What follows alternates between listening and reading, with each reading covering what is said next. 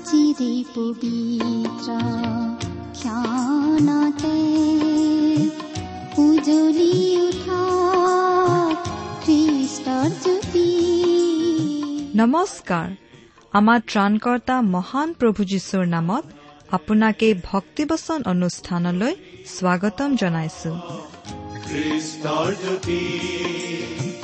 আকাশ বতাহ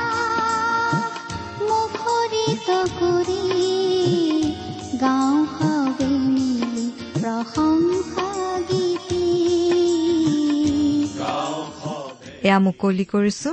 ঈশ্বৰৰ জীৱিত বাক্যৰ ধাৰাবাহিক অনুষ্ঠান ভক্তি বচন। আপোনাৰ জীৱনত যদি শান্তি পাব বিচাৰে তেন্তে এয়া ঈশ্বৰৰ বাক্যৰ সান্তনা বাক্য ভক্তি বচন। গতিকে আহক আজিৰ শিক্ষা শুনো।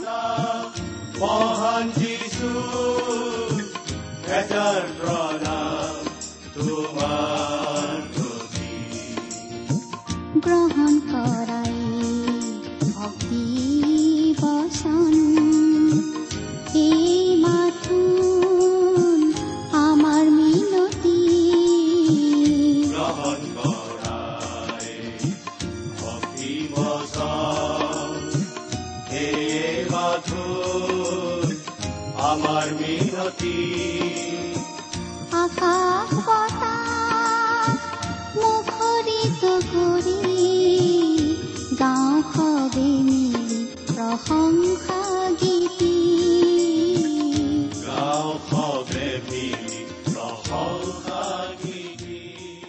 আমাৰ পৰম পবিত্ৰ প্ৰভু যীশুখ্ৰীষ্টৰ নামত নমস্কাৰ প্ৰিয় শ্ৰোতা। আপোনাৰ ভালনে বাৰু? আশা কৰোঁ কৰোণাময় প্ৰভু পৰমেশ্বৰৰ মহান অনুগ্ৰহত আপুনি ভালে কুশলে আছে। আমাৰ এই ভক্তিবচন অনুষ্ঠানটো আপুনি বাৰু নিয়মিতভাৱে শুনি আছেনে? আপুনি বাৰু আপোনাৰ মতামত দিহা পৰামৰ্শ আদি জনাই আমালৈ কেতিয়াবা চিঠি লিখিছেনে? যদি লিখা নাই আজিয়েই এখন নিলিখে কিয়? প্ৰিয় শ্ৰোতা আমালৈ চিঠি লিখিবলৈ হ'লে আমাৰ ঠিকনাটোও জানিব লাগিব। আমাৰ ঠিকনাটো হৈছে ভক্তিবচন টি ডব্লিউ আৰ ইণ্ডিয়া ডাক বাকচ নম্বৰ সাত শূন্য গুৱাহাটী সাত আঠ এক শূন্য শূন্য এক। ভক্তিবচন T W R India postbox number seventy Guwahati seven eight one zero' zero' one. আমাৰ website W W W dot radio' eight eight two dot com আহক এতিয়া প্ৰাৰ্থনাৰে আমাৰ আজিৰ অধ্যয়ন আৰম্ভ কৰোঁ হওক। হে আমাৰ স্বৰ্গত থকা অসীম দয়ালু পিতৃ ঈশ্বৰ তোমাক ধন্যবাদ জনাওঁ পিতা কিয়নো তোমাৰ মহান বাক্য বাইবেল শাস্ত্ৰ অধ্যয়ন কৰিবলৈ তুমি আমাক আকৌ এটা সুযোগ দিছা। প্ৰভু আমি দুৰ্বল মানুহ মাত্ৰ। আমাৰ সীমিত জ্ঞানেৰে তোমাৰ বাক্যৰ নিগৃঢ় তত্ত্ব আমি বুজি পাব নোৱাৰোঁ। প্ৰভু তুমিয়েই আমাক শিকোৱা তুমিয়েই আমাক বুজাই দিয়া। তুমিয়েই আমাক কথা কোৱা। এই অনুষ্ঠান শুনি থকা প্ৰতিজন শ্ৰোতাক তুমি বিশেষভাৱে কথা কোৱা। তেওঁলোক প্ৰতিজনৰ বাবেই তুমি চিন্তা কৰা। তেওঁলোক প্ৰতিজনকেই যে তুমি ভাল পোৱা। তেওঁলোকৰ প্ৰতিজনৰ জীৱন যে তুমি সফল কৰি তুলিব খোজা সেই কথা তেওঁলোকক উপলব্ধি কৰিবলৈ দিয়া। এই ভক্তিবচন অনুষ্ঠানৰ সৈতে জড়িত প্ৰতিজন ব্যক্তিক তুমি বিশেষভাৱে সহায় কৰা যাতে তেওঁলোকে নিজৰ নিজৰ কাম সুকলমে কৰি যাব পাৰে। এই অনুষ্ঠানৰ জৰিয়তে তোমাৰ প্ৰেমৰ সৌৰভ চাৰিওফালে বিয়পাই দিয়া। কিয়নো এই প্ৰাৰ্থনা আমাৰ পাপৰ প্ৰায়চিত্ৰ কৰিবলৈ ক্ৰুচত নিজৰ অমূল্য তেজ বোৱাই মৃত্যুবৰণ কৰি তৃতীয় দিনা কবৰৰ পৰা পুনৰ জি উঠি এতিয়া স্বৰ্গত আমাৰ হকে নিবেদন কৰি থকা মহান প্ৰভু যীশুখ্ৰীষ্টৰ নামত অৰ্পণ কৰিলো। আহমেন প্ৰিয় শ্ৰোতা আপুনি বাৰু আমাৰ এই ভক্তিবচন অনুষ্ঠান নিয়মিতভাৱে শুনি আছেনে? যদি শুনি আছে তেনেহ'লে আপুনি নিশ্চয় জানে যে আমি আজি কিছুদিনৰ পৰা বাইবেলৰ নতুন নিয়ম খণ্ডৰ পিতৰৰ দ্বিতীয় পত্ৰ নামৰ পুস্তকখন অধ্যয়ন কৰি আছো। ইতিমধ্যে আমি বহু দূৰ আগবাঢ়ি আহিলোঁ। এই চুটি পুস্তকখনৰ মাজেদি আমি বহুতো গুৰুত্বপূৰ্ণ কথাই পঢ়িবলৈ পালোঁ। আপুনি যদি আমাৰ আগৰ অনুষ্ঠানটো শুনিছিল তেনেহ'লে আপোনাৰ নিশ্চয় মনত আছে যে আমি যোৱা অনুষ্ঠানত এই দ্বিতীয় পিতৰ পুস্তকৰ তিনি নম্বৰ অধ্যায়ৰ বাৰ নম্বৰ পদলৈকে পঢ়ি আমাৰ আলোচনা আগবঢ়াইছিলোঁ। আজিৰ অনুষ্ঠানত আমি এই তিনি নম্বৰ অধ্যায়ৰ তেৰ নম্বৰ পদৰ পৰা আমাৰ আলোচনা আৰম্ভ কৰিম আৰু আজিৰ অনুষ্ঠানতেই আমি এই দ্বিতীয় পিতৰ পুস্তকখনৰ অধ্যয়নৰ সামৰণি মাৰিম। গতিকে আমাৰ পৰৱৰ্তী অনুষ্ঠানত আমি বাইবেলৰ আন এখন পুস্তকৰ অধ্যয়ন আৰম্ভ কৰিম। এই দ্বিতীয় পিতৰ পুস্তকৰ তিনি নম্বৰ অধ্যায়ৰ বাকী থকা পদকেইটা আমি আজি চাম। আমি ইতিমধ্যে দেখিলোঁ যে ঈশ্বৰে অতীতৰ জগতখন জলপ্লাৱনৰ যোগেদি ধ্বংস কৰিছিল।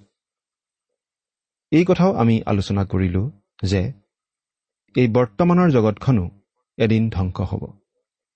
জুইত পুৰি লয় পাব।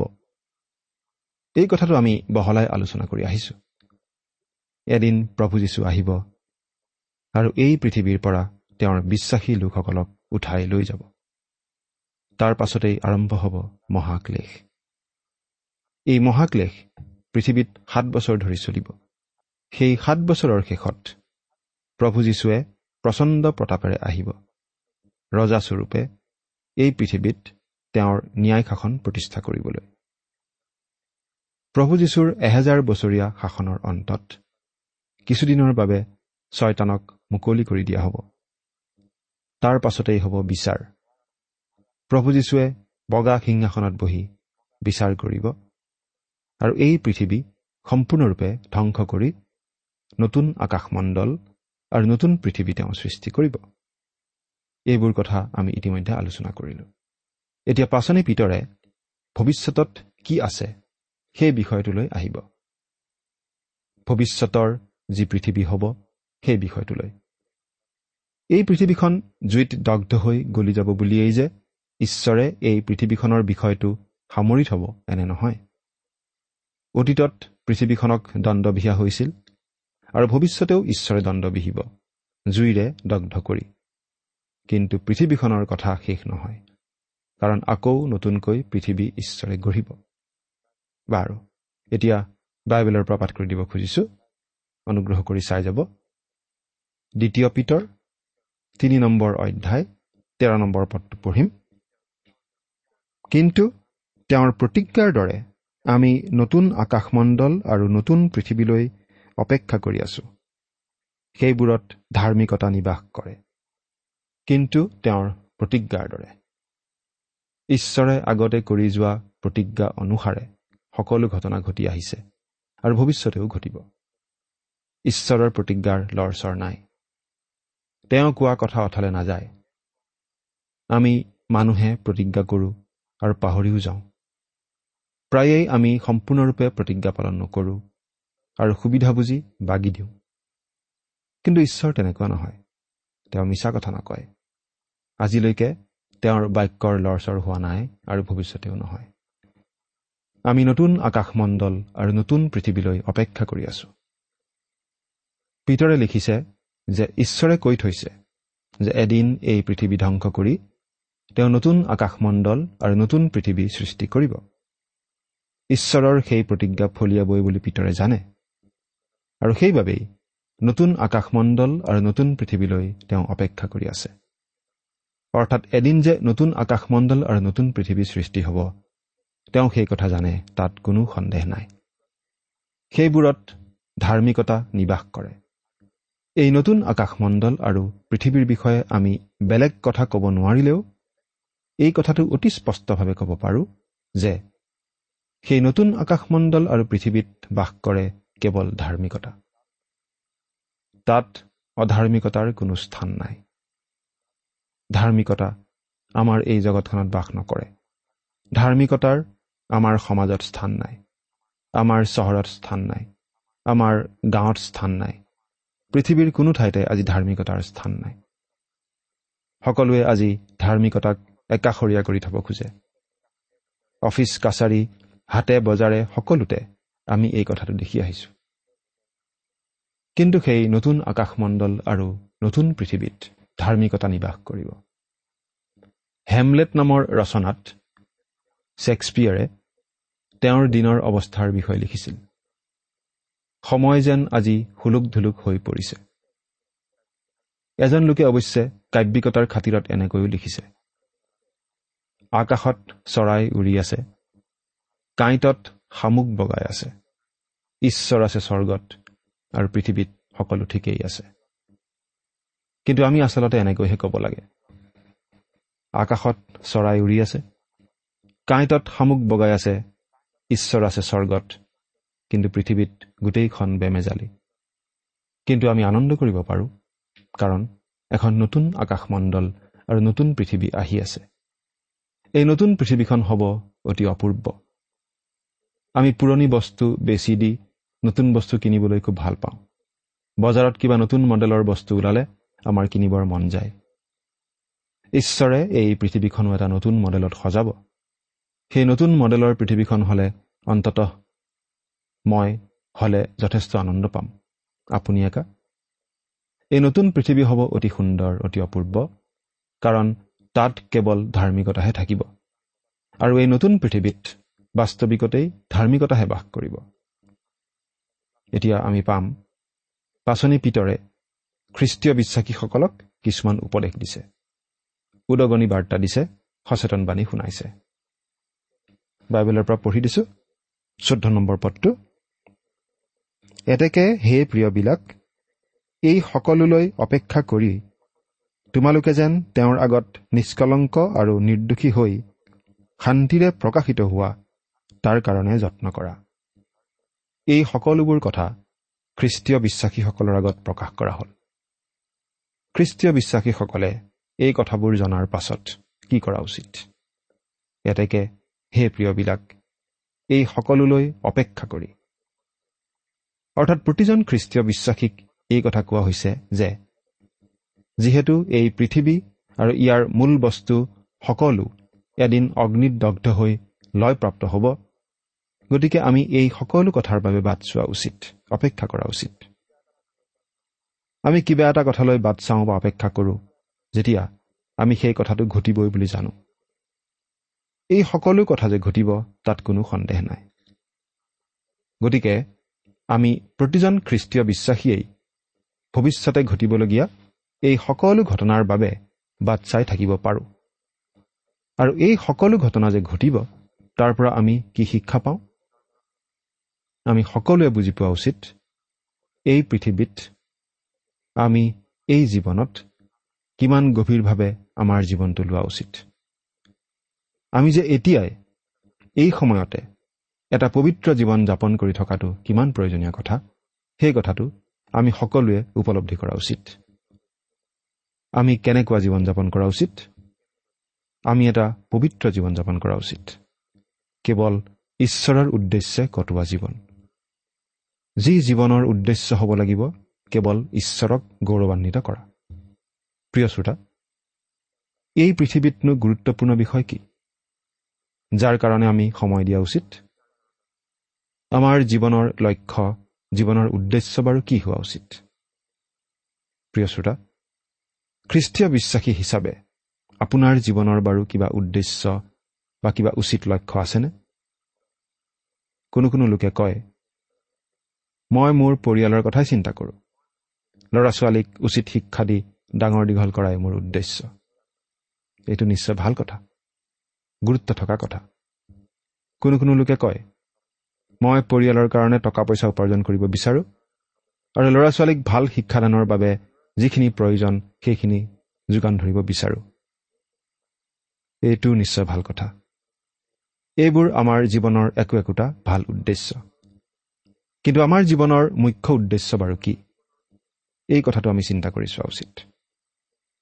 প্ৰিয় শ্ৰোতা এই প্ৰশ্নটো আপুনি বাৰু নিজক কৰি চাইছেনে? আপুনি বাৰু ঈশ্বৰৰ বাবে জীয়াই থকাটোকেই আপোনাৰ জীৱনৰ মূল উদ্দেশ্য হিচাপে লৈছেনে? আমি মনত ৰখা উচিত যে আমি যদি ঈশ্বৰৰ সেৱা কৰা ঈশ্বৰৰ গৌৰৱৰ কাৰণে জীয়াই থকাটোকেই আমাৰ জীৱনৰ মুখ্য উদ্দেশ্যৰূপে লওঁ তেতিয়া বাকী কথাবোৰ আপোনা আপুনি সুকলমে সমাধা হ'ব পাৰিব। প্ৰভু যীশুৱে কোৱা কথা এষাৰ আমি আকৌ মনত পেলাব খুজিছোঁ। তেওঁ শিষ্যসকলক এনেদৰে কৈছিল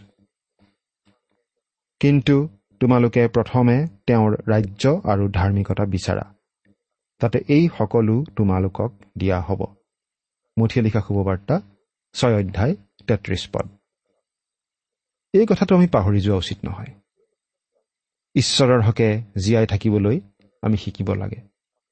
সেইবাবেই পাচনি পিতৰে আমাক এই বুলি কৈছে তোমালোক যেন তেওঁৰ আগত নিষ্কলংক আৰু নিৰ্দোষী হৈ শান্তিৰে প্ৰকাশিত হোৱা তাৰ কাৰণে যত্ন কৰা।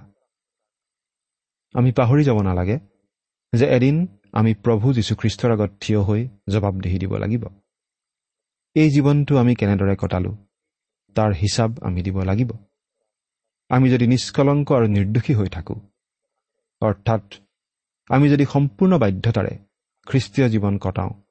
তেতিয়া আমি প্ৰভু যীশুৰ আগত উপস্থিত হ'বলৈ লাজ নকৰিম আৰু শান্তিৰে তেওঁৰ আগত উপস্থিত হ'ব পাৰিম।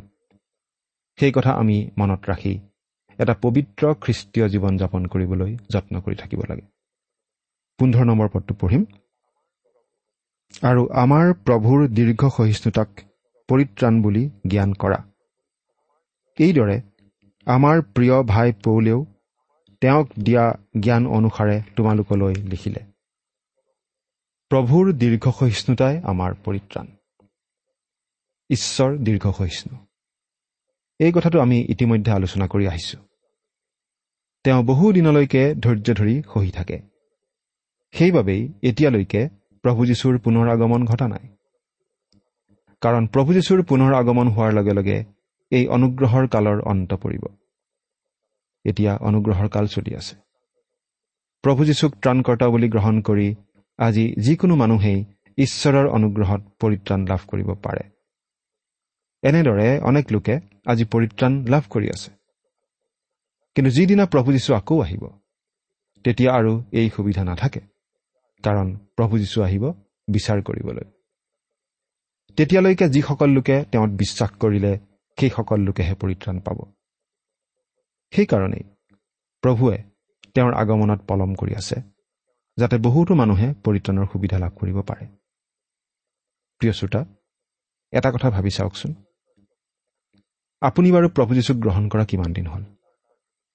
যদি তাৰ আগতেই প্ৰভু যীশু আহি গ'লহেঁতেন বিচাৰ কৰিবলৈ তেতিয়া বাৰু আপোনাৰ অৱস্থা কি হ'লহেঁতেন?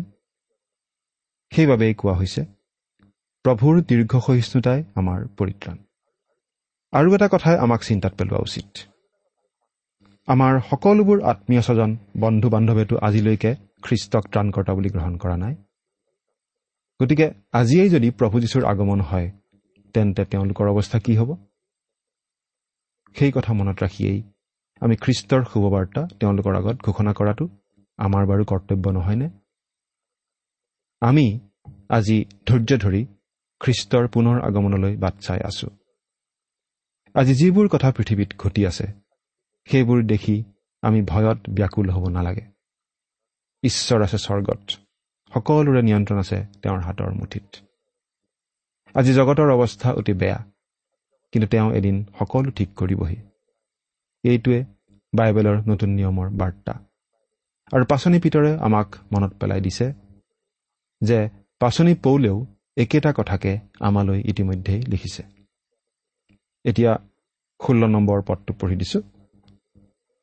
আৰু এইবোৰ বিষয়ৰ প্ৰসংগ কৰি এইদৰে তেওঁৰ সকলো পত্ৰটো লিখিলে। সেইবোৰত কোনো কোনো বুজিবলৈ টান কথা আছে। অজ্ঞান আৰু চঞ্চল মানুহবিলাকে নিজৰেই বিনাশৰ অৰ্থে যেনেকৈ শাস্ত্ৰৰ আনবোৰৰ তেনেকৈ সেইবোৰৰো অৰ্থান্তৰ কৰে। ইয়াত আমি এটা মন কৰিবলগীয়া কথা পাইছোঁ। পিতৰে আমাক কৈছে যে পাচনি পৌলে ইতিমধ্যে বহুতো কথা লিখিছে পত্ৰ আকাৰে। আৰু পৌলৰ সেই লিখনিবোৰ পিতৰে শাস্ত্ৰ বুলি মানি লৈছে। এই কথাটোৱে আমাক এই কথাটোও বুজাই দিয়ে যে পৌলক পিতৰে এজন পাচনি বুলি মানিছিল। আৰু তেওঁৰ কথাবোৰ ঈশ্বৰৰ পৰা অহা বিশেষ কথা বুলি মানিছিল। পিতৰে এই বুলিও কৈছে যে পৌলে কথাবোৰ অতি গভীৰভাৱে লিখিছে। পাচনি পৌলে যে অতি তত্বগধুৰ কথা লিখিছিল সেই কথাত নিশ্চয় সন্দেহ নাই নহয় জানো? পাচনি পৌলে লিখা বিভিন্ন পত্ৰসমূহ আমি ইতিমধ্যেই পঢ়ি আহিছোঁ আমি অধ্যয়ন কৰি আহিছোঁ।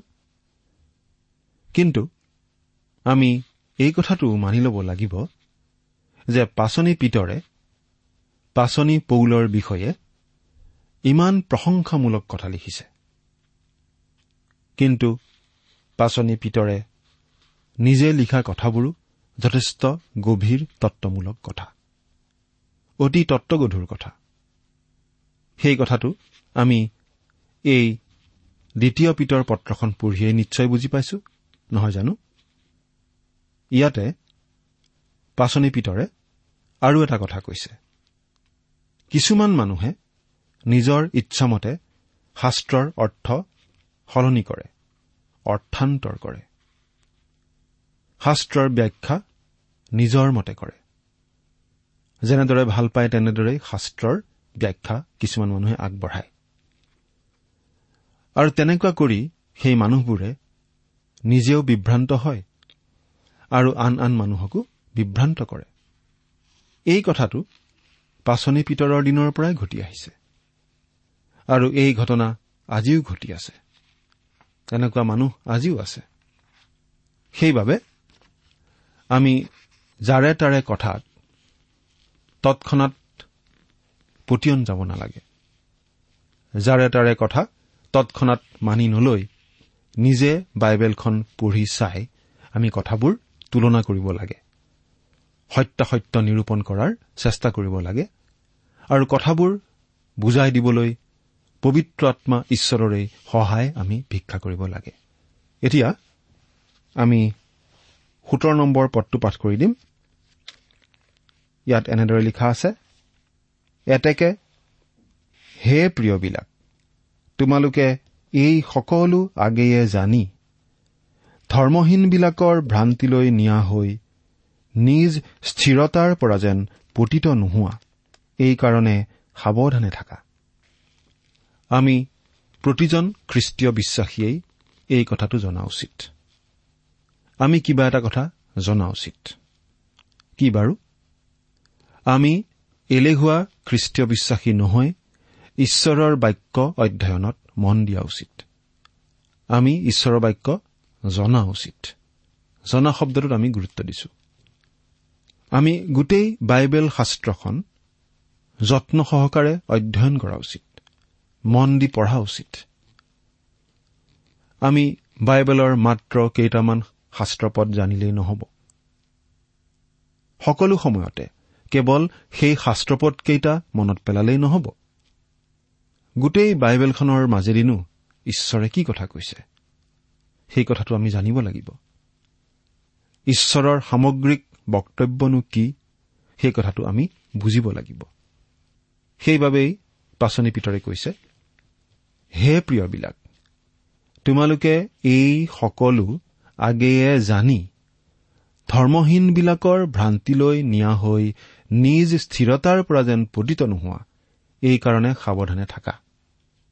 এৰা যদিহে আমি ঈশ্বৰৰ বাক্য অধ্যয়ন কৰো ঈশ্বৰৰ বাক্য বাইবেলত ঈশ্বৰে কি কৈছে যদিহে সেই কথা আমি জানো আৰু সেই বাক্য যদি আমাৰ জীৱনত প্ৰয়োগ কৰো তেন্তে আমি সুস্থিৰ খ্ৰীষ্টীয় বিশ্বাসী হ'ব পাৰিম। যদিহে আমি সুস্থিৰ খ্ৰীষ্টীয় বিশ্বাসী হওঁ তেতিয়াহ'লে আমি সহজে পতিত নহ'ম। তেতিয়াহ'লে আমি আন মানুহৰ কথাত সহজে ভ্ৰান্ত নহ'ম। আমি সহজে অপথে নাযাম। আনে আমাক সহজে ভুলাব নোৱাৰিব। এতিয়া আমি ওঠৰ নম্বৰ পদটো পঢ়ি দিম। আৰু আমাৰ প্ৰভু আৰু ত্ৰাণকৰ্তা যীশুখ্ৰীষ্টৰ অনুগ্ৰহত আৰু জ্ঞানত বাঢ়ি বাঢ়ি যোৱা। এতিয়া আৰু অনন্তকাললৈকে তেওঁৰ মহিমা হওক। আমেন। আমাৰ প্ৰভু আৰু ত্ৰাণকৰ্তা যীশুখ্ৰীষ্টৰ অনুগ্ৰহত আৰু জ্ঞানত বাঢ়ি বাঢ়ি যোৱা।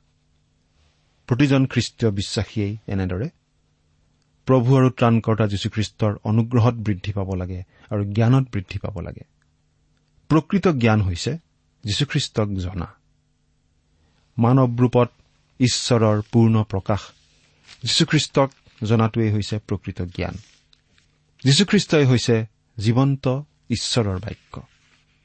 তেওঁক জনাটোৱেই হৈছে জীৱন আৰু খ্ৰীষ্টীয় জীৱন যাপনৰ মূল মন্ত্ৰ চাবিকাঠি। জোহনে লিখা শুভবাৰ্তা সোতৰ নম্বৰ অধ্যায়ৰ তিনি নম্বৰ পদত আমি এনেদৰে পঢ়িবলৈ পাওঁ আৰু একমাত্ৰ সত্য ঈশ্বৰ যি তুমি তোমাক আৰু তুমি পঠোৱা যীশুখ্ৰীষ্টক জনা এয়েই অনন্ত জীৱন। প্ৰিয় শ্ৰোতা পিতৰে অতি ভক্তিপূৰ্ণভাৱে ক'ব পাৰিছে আমাৰ প্ৰভু আৰু ত্ৰাণকৰ্তা যীশুখ্ৰীষ্ট এই বুলি। আৰু শেষত তেওঁ কৈছে এতিয়া আৰু অনন্তকাললৈকে তেওঁৰ মহিমা হওক। আমেন।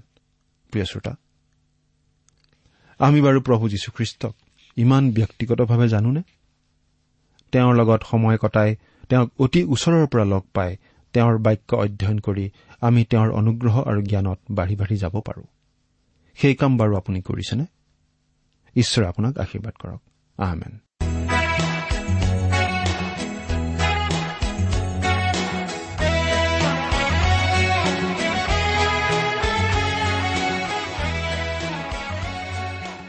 ইমান পৰে আপুনি ভক্তিবচন অনুষ্ঠানটি শুনিলে। অনুষ্ঠানটি শুনি কেনে পালে? আমালৈ চিঠি লিখি জনাবচোন। অনুষ্ঠানত প্ৰচাৰ কৰা কোনো কথা বুজিব লগা থাকিলেও আমালৈ লিখক। আমাৰ ঠিকনা ভক্তিবচন টি ডাব্লিউ আৰ ইণ্ডিয়া ডাক পাকচ নম্বৰ সাত শূন্য গুৱাহাটী সাত আঠ এক শূন্য শূন্য এক। ঠিকনাটো আৰু এবাৰ কৈছো ভক্তিবচন টি ডাব্লিউ আৰ ইণ্ডিয়া ডাক পাকচ নম্বৰ সাত শূন্য গুৱাহাটী সাত আঠ এক শূন্য শূন্য এক। আপুনি ইমেইল যোগেৰেও আমাৰ সৈতে যোগাযোগ কৰিব পাৰে। আমাৰ ইমেইল আইডিটো হৈছে Assamese T TV at radio' eight eight two dot com আইডিটো আকৌ এবাৰ কৈছো। Assamese T TV at radio' eight eight two dot com আপুনি টেলিফোনৰ মাধ্যমেৰেও আমাক যোগাযোগ কৰিব পাৰে। আমাৰ টেলিফোন নম্বৰটো হৈছে শূন্য তিনি ছয় এক দুই ছয় শূন্য চাৰি ছয় সাত এক। ফোন নম্বৰটো আকৌ এবাৰ কৈছো zero' three six one two six zero' four six seven one. আজিৰ অনুষ্ঠানটি ইমানতে সামৰিছো। ঈশ্বৰৰ শান্তি আৰু অনুগ্ৰহ আপোনাৰ লগত থাকক। ধন্যবাদ। তুমি সৃজিছিলা যোন বেলি তৰা ইয়াৰ কাষলে মোৰ। তুমি আহা তুমি সৃজিছিলা। যোন বেলি তৰা ইয়াৰ কাষলে মোৰ। তুমি আহা।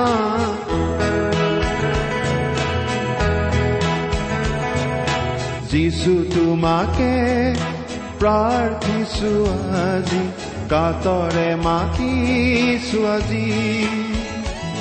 আমি প্ৰভু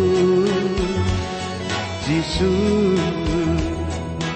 যিছু তোমাকে প্ৰাৰ্থিছো আজি কাতৰে মাতিছো আজি। আমি প্ৰভু যিছু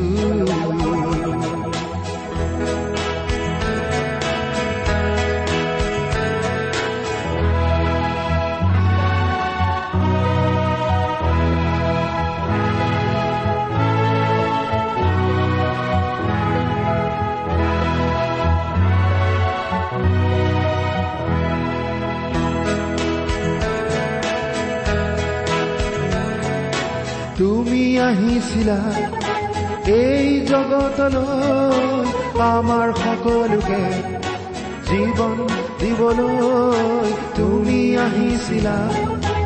এই জগতলৈ আমাৰ সকলোকে জীৱন দিবলৈ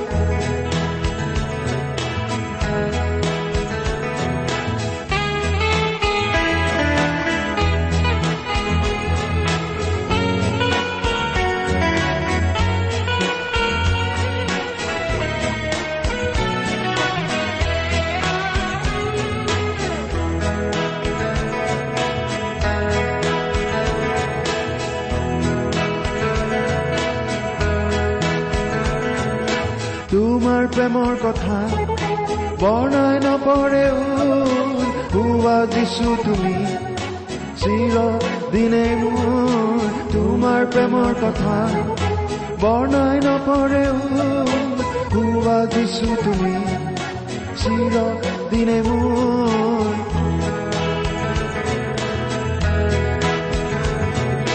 যিছু তোমাকে প্ৰাৰ্থিছো আজি।